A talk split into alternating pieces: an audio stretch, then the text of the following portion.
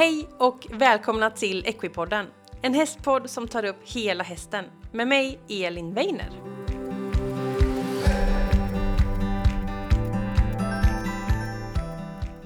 Då kan jag äntligen hälsa dig välkommen till ett nytt avsnitt av Equipodden. Lite te tekniska problem, så lite försenat, men eh, så är det ibland och jag är så glad att ändå har fått ut det här avsnittet. Och det här är ett så trevligt och mysigt avsnitt för vi får träffa Rosita Dahlberg och hon är ju hästfotograf och eh, hästfotograf är verkligen ett ofta önskat avsnitt så det här ska bli väldigt roligt. Och vi pratar lite om vad det innebär att vara hästfotograf, vi pratar om eh, utrustning, vi pratar vad som är lätt och svårt när det kommer till att fota häst och djur, hur man fotar i rörelse, ridhus och få den här uppmärksamheten. Vi pratar också om att våga ta betalt och eh, lite tips till eh, nya fotografer, vilket är också jättetrevligt. Så ja, vi får helt enkelt välkomna Rosita Dahlberg.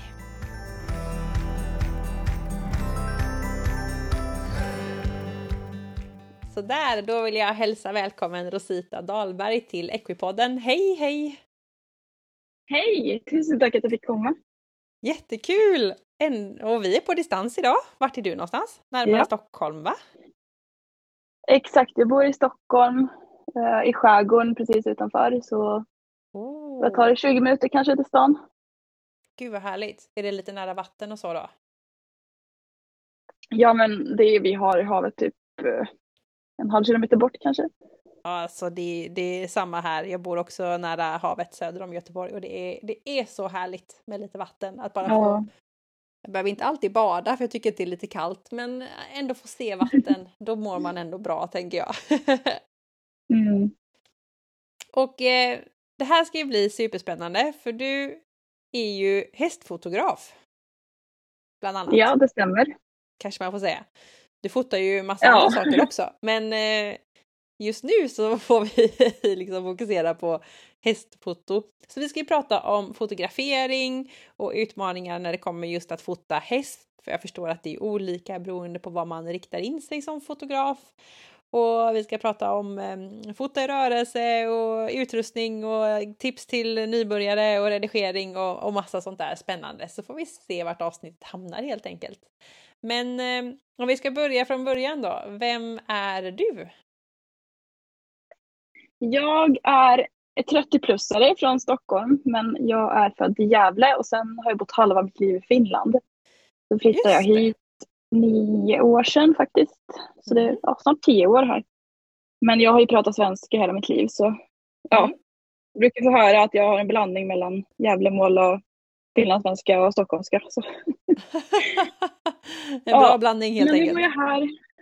Ja precis. Jag bor i, precis utanför Stockholm med min man två hundar och två katter.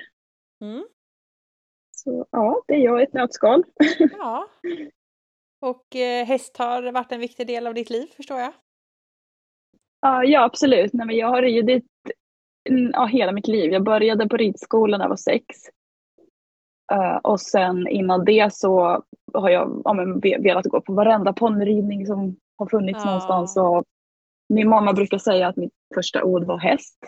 Däremot så uttalade jag Hauvia och jag vet inte hur, varifrån det kom. Men, eh, Spännande. Ja, så inbiten hästtjej. Mm. Ja, rid, red på ridskola tio år och sen efter det så har jag haft medrytta hästar. Just det. Mm. Ja men det är så härligt och det är så kul att man kan få hålla på med häst på så många olika sätt. Jag gillar det att man eh, verkligen mm. kan få ägna sitt liv åt hästarna utan att det, man måste vara tävlingsryttaren på högsta nivå och sådär utan att hästar kan alltid få vara en del av ens liv på många olika sätt. Jag gillar det. Och eh, sen är ju foto också en viktig del då, måste vi ju ändå anta här. Så hur, hur, hur kom det sig att du började med foto? Jag tror att det började eh, typ när vi fick vår första digitalkamera. Det här var ju mm. jättelänge sedan, typ början på 2000-talet kanske. Mm. Så den lekte jag jättemycket med när jag var typ 10-12 år gammal kanske. Och sen fick jag min första systemkamera när jag var 18 och det var 2008. Mm. mm. Och då kunde jag inte så mycket alls någonting. Men eh, jag testade mig fram och sen växte intresset större typ när, precis när jag flyttade hit till Sverige. För då, då fick jag fota stallkompisars hästar ganska mycket och öva på dem. Och, och jättemånga som ställde upp och, och ville liksom ha bilder på sin häst. Ja. Och sen, ja, då utvecklade jag mig själv jättemycket och sen 2017, då började jag som tävlingsfotograf första gången. Mm. Och det hade varit liksom en stor dröm för mig egentligen. Att, ja, men du vet när man har suttit där på horse show och Mm. kollat när fotografer står vid arenan och tar bilder. ja, jag vet. Så det var liksom jättestor dröm som gick i uppfyllelse. Det var en stor dröm som gick i uppfyllelse. Ja, jag förstår. Sen 2020 så startade jag faktiskt mitt egna företag. Mm. Och ja, på den banan är jag. Mm. Och då är det en hel del foto i veckan. Eller? Ja, inte varje vecka, för det är, det är liksom en bisyssla mer åt mig. Mm. Men, eller men för mig. Mm. Men absolut, alltså, i vissa perioder kan det vara jättemycket uppdrag. Och sen behöver jag vissa perioder fokusera på mitt så kallade riktiga jobb. Just det, det Men där andra som är så absolut. viktigt. Exakt, det andra. ja. Nej men det, man förstår ju att det är ofta lite i perioder också. Det är inte jättekul att fota i en vinterhage med lera upp till knäna jämfört med sommarbilder på gräset liksom.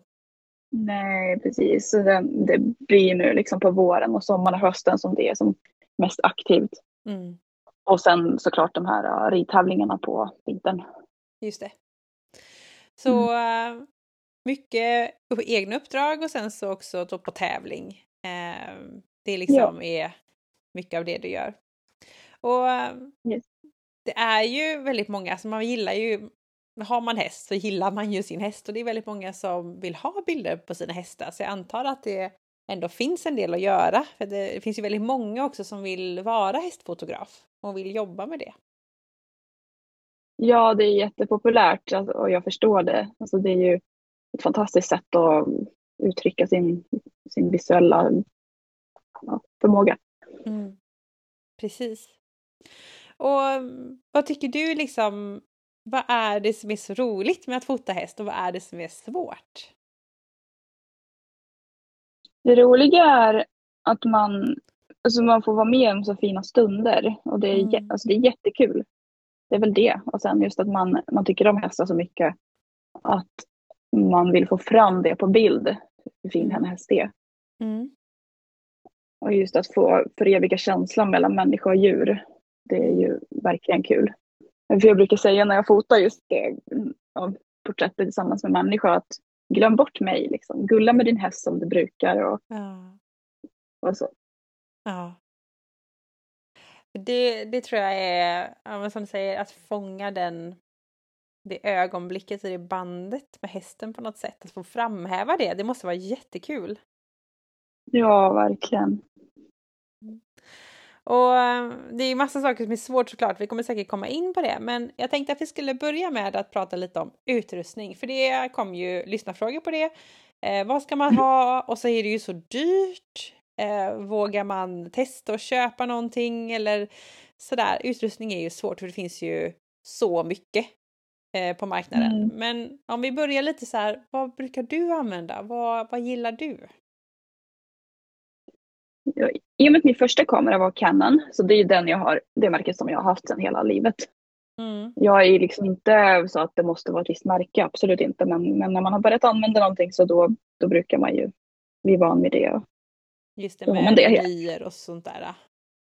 precis. Alla, alltså jag tror verkligen att alla kameramärken är lika bra. Mm. Sen kanske det kommer många som skriker att nej, absolut inte. Men det är min åsikt. ja, mycket bra. Man, man ska ta det som känns bra. Och eh, ja, men då har jag en Canon som är spegellös. Men för mig är det viktigt att kameran att den liksom har bra förmåga att fånga skärpan. Att den Mm. eh, har bra prestanda också i sämre ljusförhållanden. För det är ju det är väldigt viktigt när man fotar djur. Så det är viktigt. Och jag förstår att när man delar Ja. på det här så har man kamerahuset och sen objektiv. Mm. De är lite separata, eller? Ja. Ja, men precis, eh, och båda spelar jättestor roll. Däremot så just när vi pratar om nybörjare så har jag många gånger sagt att det är bättre att skaffa ett bra objektiv. För Mm. med den kan man kompensera jättemycket. Just det. Eh, Men absolut, det, det blir en kombo som sen i slutändan spelar stor roll. Mm. Precis. Och eh, vad är viktigt att tänka på när man tittar på objektivet då? Det beror lite på vad man vill, vad man vill få ut. Alltså, tänker man att man, man vill fota mycket porträttbilder, då kan det vara bra att ha så kallat fast objektiv. Och det finns objektiv som man kan zooma med eller sådana som sitter fast. Alltså, de sitter fast. Att det är liksom en, ett, ett avstånd. Så det kan man tänka på, att vill man kunna zooma ut och in eller, eller räcker det liksom att man, man kan själv byta, byta position och Just avstånd. det, flytta sig typ. Ja. Mm. För när man fotar hästar i rörelse så, så tycker jag själv att det, det är jätteskönt att kunna zooma. För då kan man Mm. stå lite längre bort och sen zooma in eller ut. Mm. Men det funkar jättebra med så här fasta objektiv också och de kan ofta vara lite mer prisvärda Mm. att köpa ett fast objektiv. För de, de har en så kallad fast bländare och eh, det hjälper jättemycket just när man ska, ska fota lite sämre ljus till exempel. Ah, just det. Och det är klart att eh, om vi ska kunna snurra och zooma och grejer så är det fler delar som ska in och mer teknik så är det klart att de blir kanske lite dyrare. Mm. Och okej, så att kamera, hus och eh, objektiv, det är liksom grunden av vad man behöver.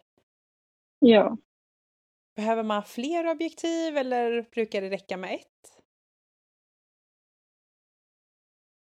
Då, då kommer vi tillbaka till frågan, det beror på vad man vill fota. Men självklart räcker det med ett objektiv. Ja, man, man kan till exempel köpa ett sånt här uh, universalt zoom-objektiv som man kan ta bra porträtter med och Mm. fota rörelse. Just det. Jätteintressant. Och, behöver man sånt här eh, ljusskärmar skärmar och, och grejer eller går det bra ändå? Jag har aldrig använt något tillbehör, varken Mm. blixt, ljusskärm eller något annat. Mm. Eh, jag tycker det går jättebra utan. Mm. Sen, sen såklart, så man kan ju man kan ju verkligen köpa grejer om man, om man ska fota. Men man kan hålla det väldigt enkelt. Mm. Det Ja, känns till lite exempel, jag som en prylsport liksom. Ja. Ja, lite. Alltså såklart. ju- Man kanske kan tänka att ju, ju mer grejer desto bättre bilder och det, det kan ju absolut vara så. Och är så i Mm. många fall. Mm. Men, men jag har ingen studio, jag fotar alltid utomhus. Mm. Och eh, det, har, det går bra det. Ja, uppenbarligen. För det är ju det lite när, när vi fotar häst och, och djur och sådär. Det är ju inte så att man kan traska in i en fotostudio direkt utan man får ju fota ute på plats. Mm. Det, ehm, då har vi ju det här elementet med ljus och väder och vind och grejer som man också får hantera. Då behöver man kanske inte så Mm. mycket extra, det blir kanske bara för mycket. Jag vet inte. Men ehm, om vi har det som grund, är det, är det så att man köper en eh, nybörjarkamera eller ehm, kan man och utvecklar sig sen eller vad, vad brukar man göra? Man kan få mycket bra hjälp om man går till en fotobutik och pratar med folk där. Och förklara vad man får fota. Men, men jag skulle absolut tipsa att man köper en, en lite bättre kamera än vad man tror att man behöver. Mm. För det hände nämligen mig när jag köpte en ny kamera och precis då innan jag började fota lite mer att, att jag köpte en lite billigare, lite sämre kamera. Jag tänkte att nej, men den här räcker. Och sen, sen lärde jag mig jättefort. Och då plötsligt så fick jag mycket begränsning med den kameran. Just det. Så det är, det är jättedyrt att köpa kamera och därför kan det vara bra att kolla lite på begagnade. Man kan hitta Mm. jättebra prisvärda, lite mindre använda grejer begagnat. Det är också ett superbra tips. Och ibland har jag sett att sådana fotobutiker har typ lite så begagnat eh, hörna eller sådär att man kan Mm. byta in. Ja, det har de. Och sen finns det kampanjer och, och så. Men det är, Precis. det är verkligen bra att man, man köper en lite bättre än vad man tror att man behöver. Och sen lär Mm. man sig fort Mm. och då behöver man inte stå där och känna att nej, jag behöver en bättre. Just det, just det. Och när du säger lära sig, vad är det man lär sig? Vad är det man behöver lära sig kring sin kamera för att eh, skapa bättre foton? Det som är viktigt är just att man kanske förstår förhållandet mellan inställningarna. För det går ju absolut fota bra bilder med auto, eller, autoinställning. Mm. Men att kunna leka fram lite mera kanske liv i bilden eller så. Kunna justera hur, hur suddig bakgrunden blir och, och så.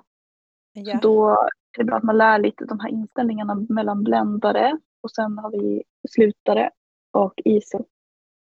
Bländare, slutare och ISO. Okej, Precis, det är liksom en eh, triangel där som allt hänger ihop. Okej, så att de här tre, liksom, de behöver man ha koll på. Så kan man testa sig fram lite grann vad de olika gör och hur det påverkar bilden, eller? Ja, självklart. Så man kan ju börja med att läsa instruktionsboken eller kolla på Youtube.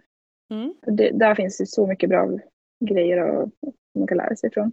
Mm. Men learn by doing. Alltså jag, jag har verkligen lärt det mesta när jag fotar och testar mig fram. Ja. Men jag tror också det. Alltså, det är ju en sak att lära sig saker i teorin, men sen ska det på något sätt omsättas i praktik, tänker jag. Ja, Och då måste man ju testa sig fram. Okej, så nu har vi grunden kring vad vi behöver för utrustning. Ehm, om man sen ska gå ut och börja fota, hur ska man Mm. tänka? Jag tänker så här, ja visst man kanske fotar när hästen står still och sen kanske hästen rör på sig och sen är man kanske lite i ridhuset. Eh, Mm. hur, hur brukar du tänka när du ska liksom fota en häst? Om vi börjar från början, eller från den första du nämnde, alltså stillbilder eller porträtter. Mm. Så där tänker jag att det viktigaste som man alltid ska tänka på är såklart säkerheten när det kommer hästar. Just det, Att man är i en miljö, man är i en miljö där hästen eh, är, är trygg. Och man har utrustning på hästen som att, att den inte kan rymma till exempel. Mm. Och sen man ska alltid lyssna på hästen eller titta hur den reagerar på saker, att den ska vara bekväm. Jag brukar alltid själv eh, ha en paus om jag ser att hästen blir stressad till exempel. Mm. De kan ju, det är ju många som använder, jag själv använder också hästgnägg till hästen. För att få Ja. fram öronen och så. Ja. Det finns, det finns det på Youtube. Du kan, du kan googla dig fram ett klipp, åtta timmar hästgnägg. är det för att få lite uppmärksamhet hästar- typ? Precis, Nej, men vissa hästar kan ju bli lite, lite stressade när de hör det. Så jag brukar alltid sätta lite lägre volym på den och sen vara redo att stänga av. Mm. Det, det är ju väldigt viktigt. och De kan ju, de kan ju verkligen bli lite stressade och rädda när de hör ljud. Mm. Så det är Precis. liksom A och O. Hästen ska vara lugn och trygg. Eller lugn behöver inte vara såklart för att ibland vill man ha lite mera. ja, men lite reslighet. tryck sådär va? Ja. Ja, precis. Men, men ja, som hästmänniska är det ju, det är ju bra just när man har den fördelen man ser när hästen blir lite, lite stissig och behöver ta en Mm. liten paus. Just det. Så det, det brukar jag absolut tänka på. Och sen det finns vissa hästar som inte reagerar på någonting. Det har vi säkert alla sett roliga såna här reels. Ja, sådana memes ja. Så bakom Ja. varje porträtt finns det en väldigt engagerad, alltså någon som Exakt. hoppar typ med ett paraply eller någonting och hästen står och sover. Ja. Man får ju vara lite kreativ där. Vissa Ja. hästar reagerar på kobröl, eller vad man kallar det när kor muar. Mhm. Vissa har spelat grisskrik till. Oh. Och Ja. sen, sen hade jag faktiskt ett sto för några år sedan som jag testade alla möjliga ljud, allt, allting, klappa händerna, prassla med godis. Hon var inte intresserad av någonting. Men sen spelade jag upp fölgnägg och det var liksom det som hon bara, oh, då, då kom öronen fram och hon såg glad ut. Ah. Så det, det, det är liksom, man ska hitta, vissa hästar är verkligen så här, de är lite för trygga i sig själva och de, de hänger med öronen och är liksom ja. halvdöda. Fint lite sagt. Chill, chill i livet liksom. Ja, man kan liksom testa sig fram, just de här ljuden och sen man kan ha så små sten i en plastflaska och skramla med. Det är också ett bra Eller tips. paraply eller, ja, eller paraply, havrehink. Ja, havre är det många som gillar. Och det är viktigt att man belönar hästen. Klappar den lite ibland och den får beröm. Jag brukar alltid berömma hästen bakom kameran. Mm. Och sen just i de här pauserna, att jag brukar alltid säga till den som håller hästen att gör hellre en volt eller, eller gå lite. Istället för att Mm. man ska stå där på plats och försöka få hästen att stå bra. Då är det bättre att man tar ett litet varv och, och sen ställer upp igen. Ja, smart. Mm. Så det är lite i liksom, porträtt. Ja. Mm. Ja, men, och sen om man har människan också med på bild, så då är det alltid att du ska se så glad och neutral ut oavsett vad, vad din häst gör. Det spelar ingen roll om din häst är jobbig eller om det kliver på dina tår. Du ska se glad ut. Ja, Då, då kommer vi till liksom den lilla sekunden när hästen ser bra ut. Då är människan redan redo. ja, det är väldigt jobbigt om människan är inte rätt när hästen är rätt och tvärtom. Precis. ja, Det är lättare för en människa att le än hästen och spetsa öronen. Just det. Människan kan vi berätta säga till med ord. Ja. Mm. Och vad brukar du göra för om du, jag tänker att om du kommer ut till någon som vill ha lite porträtt sådär, hur brukar du göra med liksom allt runt om och ibland så kan det vara lite skräpigt eller hur brukar du tänka liksom med miljön runt om? Men innan jag ska fota så brukar jag skicka en checklista. Men den innehåller dock mest hur man ska fixa hästen och vad man ska tänka på och så. Ja, Vad man ska ha med sig och men skräpigt, då fotar vi inte där såklart. jag, jag brukar ju fråga också såklart lite vad, vad finns det för miljö eller, eller så om inte jag känner till stället. mm, mm, Och sen ofta så går jag och kollar lite i förväg när jag kommer. Vart kan man Mm. fota? Sen Mm. brukar vi, alltså alla stall brukar jag ha någonting fint runt. Ja, Så då, då går vi lite till olika ställen och man kan ju få en idé plötsligt att det där såg perfekt ut och sen någonting som man har tänkt i förväg kanske inte funkar alls. så kan det vara, verkligen. Och den här checklistan du nämnde, vad innehåller den? Vad ska man tänka på innan en fotograf kommer ut?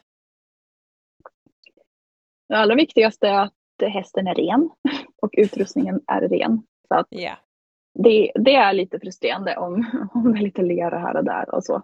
ja, så. Absolut, man behöver inte bada hästen eller så om man inte vill, men, men just att se till att den är, den är lerfri, utrustningen nyputsad.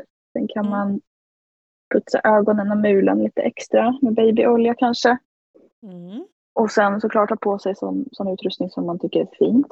just det. Uh, någon fin grimma eller, eller något träns. Mm. Och sen om man själv ska vara med, att man, man behöver absolut inte piffa upp sig, men man ska se, man ska se ut som att man är nöjd med sig själv. Precis, för att allting, allt, alltså bilder är, bilden är ju lite oförlåtlig nästan. Om du, har, om du är smutsig på jackan, då kommer det att synas Mm. liksom. Så det beror ju på vad man... Jag har ju Photoshop dock, men ju Ja, mindre retuschering man behöver göra, desto trevligare. just det. Det tar ju ändå lite tid att redigera en bild kan jag tänka mig. Vi ska ju prata om redigering här också om en stund, men eh, det är väl eh, lite så allmänt vett hur vill du att bilden ska se ut, tänker jag. Ja. Mm. Och sen brukar jag också säga att ha jättegärna med en medhjälpare. Ja. För det är lite svårt att fota och underhålla hästen samtidigt. Mm. Det, har, det gör jag också. Jag är jätteduktig på att sätta på klipp och skramla med flaskan. Men det, man har bara två händer.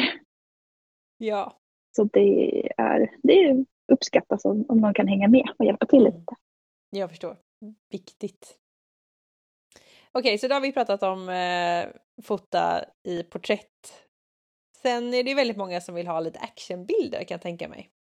Och eh, då finns Ja, det väl absolut. både lite dressyr kanske och lite hoppning och sådär. Vad ska man tänka på då? då? Då tänker vi fortfarande att hästen ska vara ren. Utrustningen ska vara ren och gärna också att man ska såklart matcha. Ja, Man ska inte ha skrikiga färger helst. Och det, det tycker jag är liksom att man ska passa ihop med sin häst. Och ja. Mm. Sen när jag fotar ridbilder så det blir ju inte ett vanligt ridpass. Utan det blir ju mer att här ska vi rida fint på den här linjen och se bra ut här. Sen vad som händer bakom mig, det kvittar. just det. Men det Men klart som poäng. ett vanligt liksom. ridpass. Ja, Ja, men att det blir Men som ett vanligt ridpass så klart häst, hästen ska vara uppvärmd och så.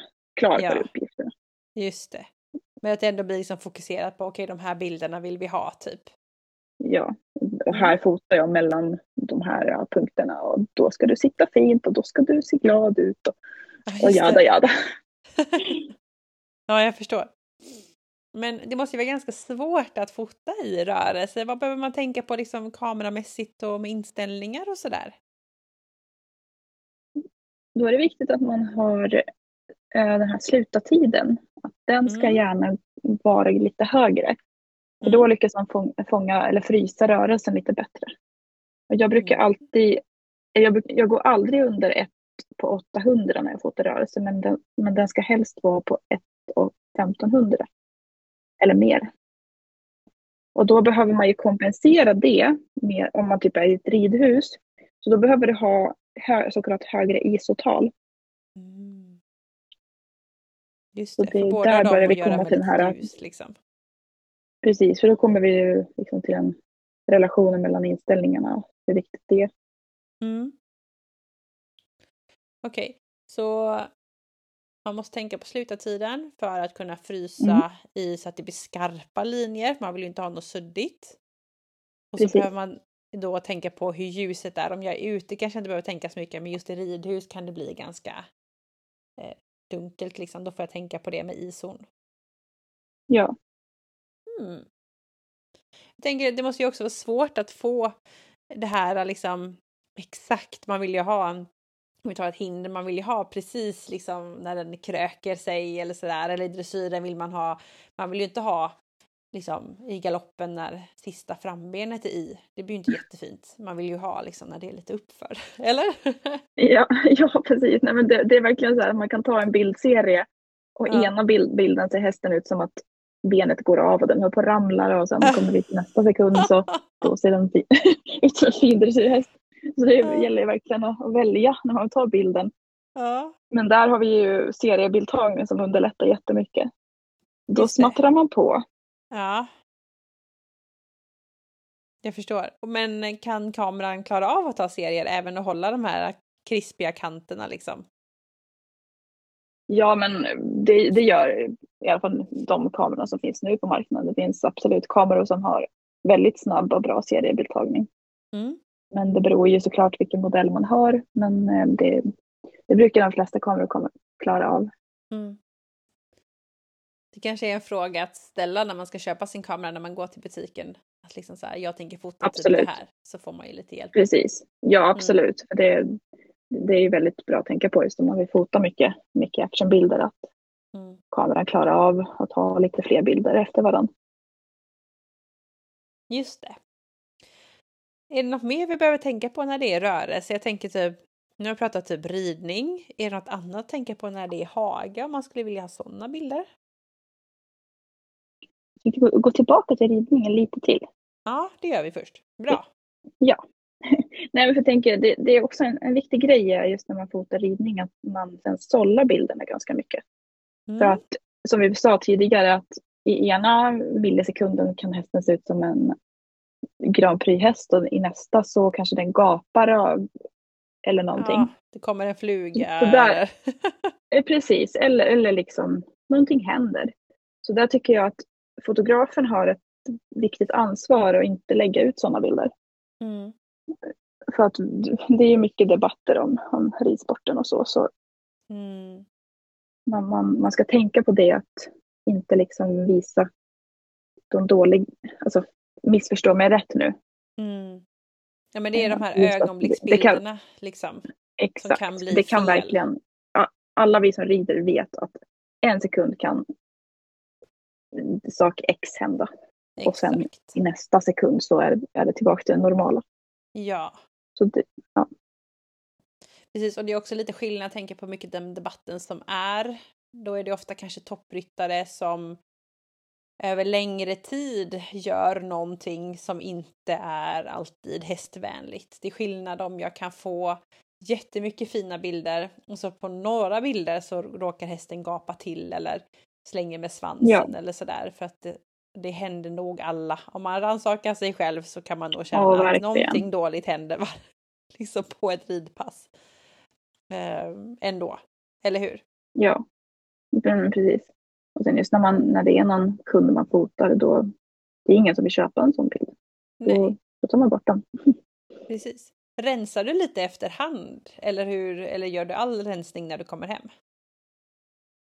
På tävling brukar jag rensa mellan ekipagen om jag hinner. Mm. Men när jag är ute på så här uppdrag då, då blir det ju hemma. Mm. Och då är det ju så, om man har tagit en, en om man tar en så här seriesnutt, vad heter Mm. det, alltså bildserie. Mm. Då har man tagit kanske 12 bilder och sen sparar man två så det blir väldigt mycket släng. Mm. Men det, det måste man, man måste ta fler bilder för att få en bra. Just det, det kanske är ett sånt här tips att skicka med till eh, nybörjarfotografen och ta många bilder då, eller? Ja, det, det, kan, man, det kan man säga. Ja, spännande. Okej, så är det något mer vi behöver tänka på när vi fotar i rörelse? Man kan tänka på vinklar. Mm. Vilken vinkel ser hästen bra ut? Jag har till exempel, jag min man är väldigt lång och jag har lärt honom att fota lite. Så Mm. när han fotar när jag rider då, då brukar han behöva sitta på huk för att annars eh, ser hästen pytteliten ut. Ja, just det, för att hans vy är eh, lite högre upp. Exakt. Ja, Det, det kan man tänka på. Man det, de flesta hästarna ser bättre ut om man, om man är lite. Lite längre ner. hukar, hukar sig lite ner eller, eller står på knä. Ja, det är ett bra tips. Jättebra tips. Ehm, och sen när man varit ute och fotat en hel dag då, då kommer man hem med eh, hundratals bilder och eh, då är det som vi sa då, det ska rensas lite men det brukar ju också redigeras lite granna. Kan du inte berätta lite om Mm. det? Ja, vad vill du höra? Brukar man redigera? Bör man kunna redigera om man fotar och varför? Och vad brukar man göra? Precis. Nej, men när man fotar så man kan ju välja om man fotar i JPG-format. Det vill säga Mm. att kameran själv skapar inställningarna i kameran. Eller om man fotar så kallat RAW eller råbilder. Mm. Och då blir det ju mer platt bild men den innehåller mycket mer information. Men sen när Mm. man redigerar den så kan man få fram mycket mer information. Mycket mer färger, kontrast. Ta bort om, om man har fått lite för ljus bild. Då kan Mm. man rädda den om man har fotat i rå. Mm. Det, jag gör ju det, att jag fotar i rå. För då, då har man mycket mer möjligheter. Och då börjar jag att jag lägger upp bilderna på datorn och sen rensar jag. Så det, det, går jag, det gör jag allra först. Grovrensning. Mm. Exakt. Och sen brukar jag göra lite småpill. Kroppa lite eller beskära bilden, bilderna. Mm. Och kanske någon lite mindre inställning. Mm. Och sen brukar jag lägga över dem i ett galleri som man får välja sina bilder ifrån. Mm. Och sen Till när kunden kunden har då valt, eller? precis. Mm. Och sen när, när kunden har gjort sitt val så då gör jag det stora redigeringsjobbet på de bilderna. Mm. För det är ju så att när jag redigerar en bild så kan det ta alltså allt mellan 5 till 45 minuter per bild. Det beror, Ah, det beror lite på vad, vad det är för bild och vad som ska göras. Och Jag vad jag förstår. tycker att jag vill göra med den. ah. Så om man, om man har tagit eh, 500 bilder och man rensar så det finns 120 kvar. ah. Då går det inte att redigera alla 120 för det skulle ta en evighet. Ja, gud, det skulle ta flera veckor. Ja. Och när du redigerar, vad väljer du att göra? Då går man in och ändrar inställningarna på bilden. Man fixar ljuset och kontrast. Kanske, man behöver kanske ändra lite i färgerna. Mm. Till att kolla lite hur, hur kall eller varm man vill att bilden är. Mm. Sen just när vi har pratat om ridbilder i ridhuset eller att lite mörkare ljusförhållanden så då, då kan man ta bort mycket av det bruset som eh, kommer om man har hög ISO. Då Mhm. kan man göra det i, i redigeringsprogrammet. Mm. Det, det här är de grundinställningarna då. Och det, det kan man pilla på lite. Men sen eh, så är det ju Photoshop som gäller för mig. Det finns ju andra program man kan ändra också. Mm. Men man kanske vill ta bort ett grimskaft eller, eller flugor på hästen eller, eller någonting i bakgrunden som stör. Mm. Så det, det är ju det arbetsflödet ungefär, kortfattat. Mm. Eh, ibland när man ser eh, hästfotografer som lägger upp så ser man på något sätt att det är lite samma, alltså inte att det är samma bilder men att man märker att det här är en viss fotograf. Att det kan vara nästan Mm. som att några har viss typer av motiv eller viss typ av eh, att nästan bilden har lite samma färg. Är det så att man har liksom ett, ett eget inte trademark, men liksom eget fingeravtryck lite på sina bilder i redigeringen? Eller vad, vad tänker du? Det tycker jag. Mm. Det, det är ju många, många verkligen som man känner igen att ja, det här måste ju vara den här personens bild. Precis. Och, och det blir ju så, det är väl som en, en konstnär gillar att måla på, med en viss teknik. Så man har ju sitt, sin stil och det man gillar. Och det är väl det, är väl det som men en kund kanske också fastnar för att, att den här bilden gillar jag, den här uh, stilen är bra, så då, då väljer man den. Just det. Just det är det som är så kul i fotografi, att om du ger en bild till tio hästfotografer, yeah. eller tio fotografer, och alla får redigera den hur de vill, då kommer ingen bild vara lik. Nej. Man kan göra så mycket i redigeringen. Mm. Ah. Och det handlar inte om att manipulera bilden utan just det här att man, man skapar en, eller tar fram vissa delar i just ljus och färg som man själv tycker om. Just det. Just det. För det kan ju göra att det blir helt olika liksom, eh, upplevelser av bilden. Någon vill göra den ljus ja. och någon gör den väldigt mörk och det är Precis. jättespännande. Mm. Ja, det är häftigt vad man kan göra med teknik, alltså program. Ja. Men är det ett måste att redigera, tycker du? Det är inte ett måste. Om du fotar i råformat så då måste du ju redigera bilden innan den kan användas. Ja. Det är just det att det blir lite som att du, du har fått ingredienser till en kaka och du måste mm. ju baka kakan för att kunna äta den. Mm. Mm, jag förstår. Ja, så det, det, är lite det som händer i, rå. Just det. Men sen om du fotar i JPG då, då de bilderna är ju ready to serve liksom. Just det. Och Men då har man kan... just de här färre möjligheterna att fixa. Just det. Men de kan liksom bli färdigare bilder liksom som man känner att det kan bli bra rätt från kameran. Eh, måste ja, inte ta bort grejer och ändra i massa saker Nej. utan det kan bli bra bilder direkt. Mm. Det är väldigt intressant. Och jag tänker ändå så här ehm, att arbeta som hästfotograf, eh, det är många som vill det. Och eh, det är mm. som alltid i hästvärlden är ju lite slitigt på något sätt. Och eh, i hästsporten finns det ju så otroligt mycket pengar på något sätt fast ändå inte. Eh, och eh, det har ju varit en ganska stor debatt inom just det här communityt med eh, hästfotografer kopplat till att dels våga ta betalt och att faktiskt kräva betalt för bilder. Ehm, tyckte du att det var svårt att gå över från att fota kompisarnas hästar till att starta företag och faktiskt liksom behöva ta betalt? Den övergången från att inte ta betalt till att jobba med hästfotografi tycker jag gick ganska långsamt för mig. Mm.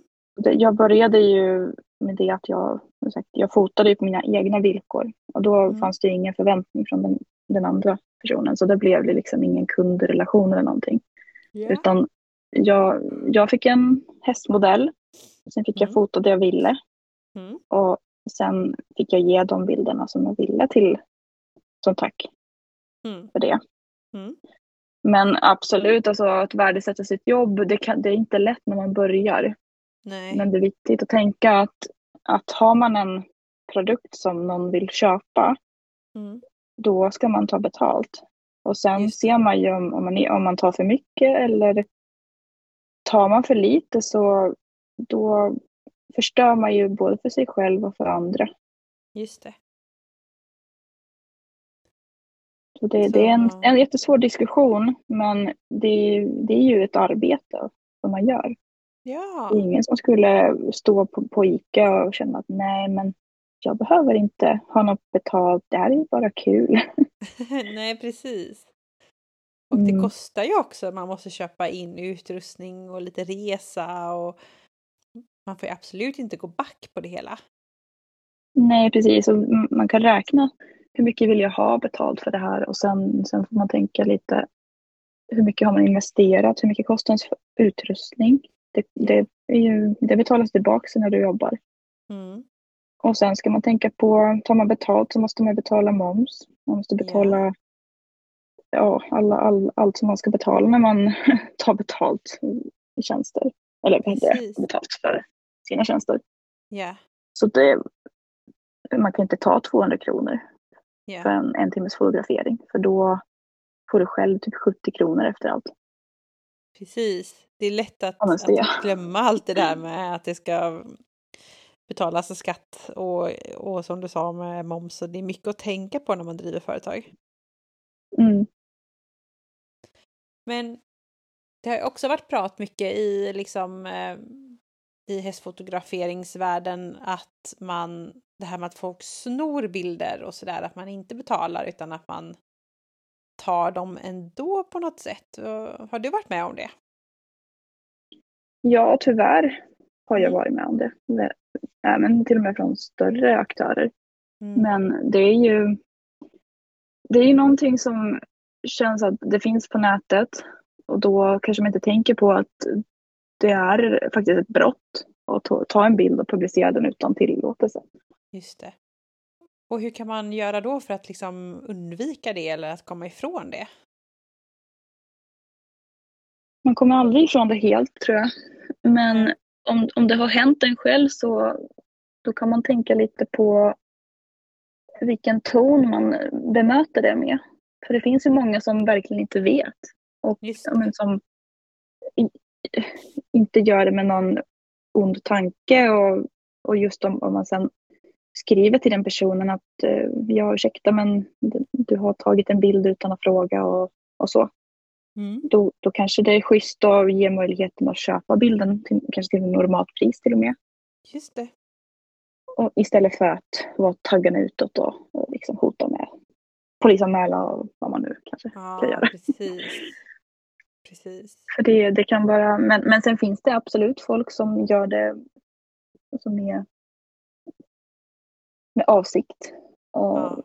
ja, då, då kan det behövas lite, lite mer. Och där är det ju en fördel att driva företag för då har man ju andra möjligheter än, än om man är eh, ja, som hobby liksom. Att eh, Mm, faktiskt ja. fakturera och i förlängningen också eventuellt skicka till en kasso om det är så att det inte kommer in några pengar för det hantverket man gör.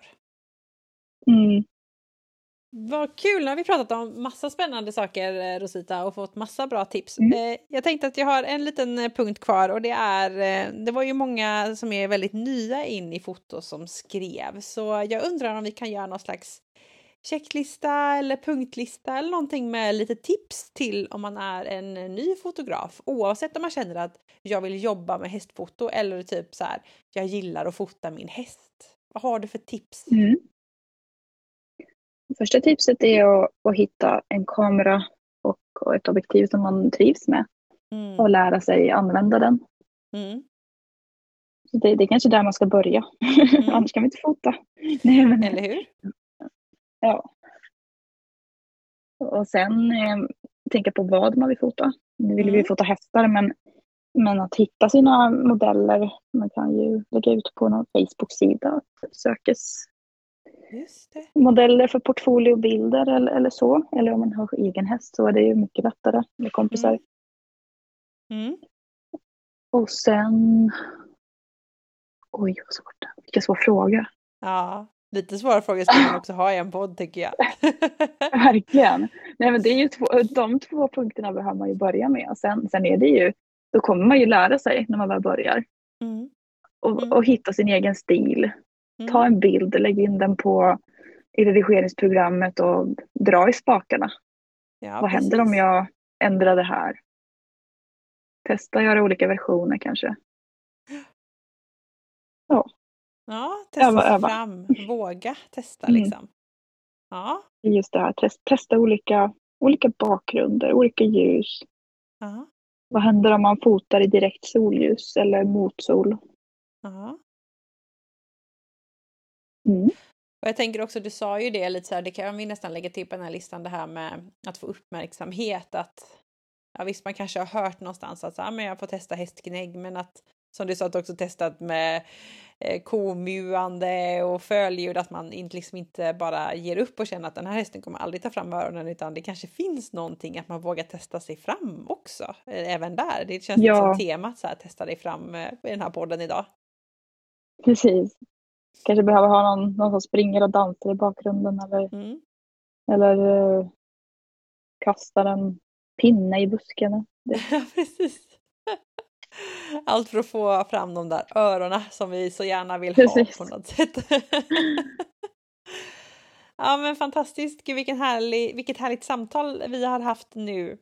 Eh, du ska få en allra sista punkt och eh, det är en mm. lyssnarfråga och jag tyckte den var lite fin. Det kommer ju flera lyssnarfrågor som vi har fått med här men det kom en som var lite specifik som jag ändå kände att jag ville ta och det är ju då vilket är ditt drömmotiv? Och du sa ju här innan att du har ju fotat så otroligt mycket olika saker.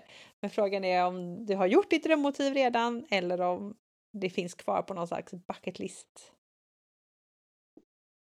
Ja, jag tänkte på det då när du frågade det och då kände jag att jag fotat det mesta men nu när du ställde den frågan så kom jag på att det skulle vara så kul att åka till Island och fota. Ja. För där, det är ju verkligen, alltså det är ju så fint där och jag, jag följer ju flera hästfotografer som bor eller har varit där. Ja. Och liksom alla de här miljöerna som ser ut som att de, de är inte på jorden ens. Utan Nej, det, där skulle, det skulle vara häftigt faktiskt. Mm. Eller typ åka till någon öken, fota någon så här äh, fin ah. arabhäst i Sahara eller något, något sånt. Ja. Det man inte kan göra i Sverige. Precis, ingen äh, lövskog eller barrskog. Nej, precis. Ja. ja, men ja. fantastiskt de, De två grejerna. De två får vi hoppas att vi får se bilder från kanske framöver då. För eh, om man tyckte det här var intressant då kan man ju följa dig på lite sociala medier. Vad heter du där? Ja, jag heter Ride Love Laugh och det är lite, jag har inte ändrat mitt kontonamn faktiskt för det här bottnar sig till en gammal blogg som jag hade för länge sedan.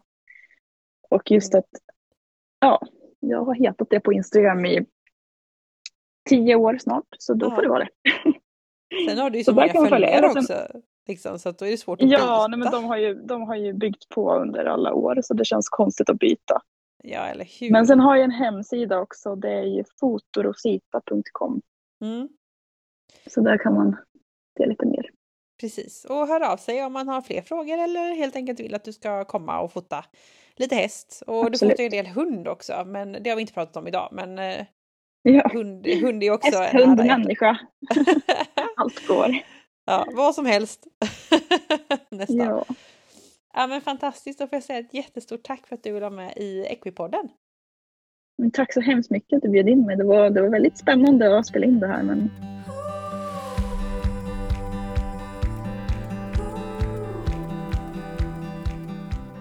Sådär, ett superhärligt avsnitt till ända och så kul att få lyssna på en hästfotograf för att det är alltid roligt med bilder och foto. Det vet jag att många har som intresse.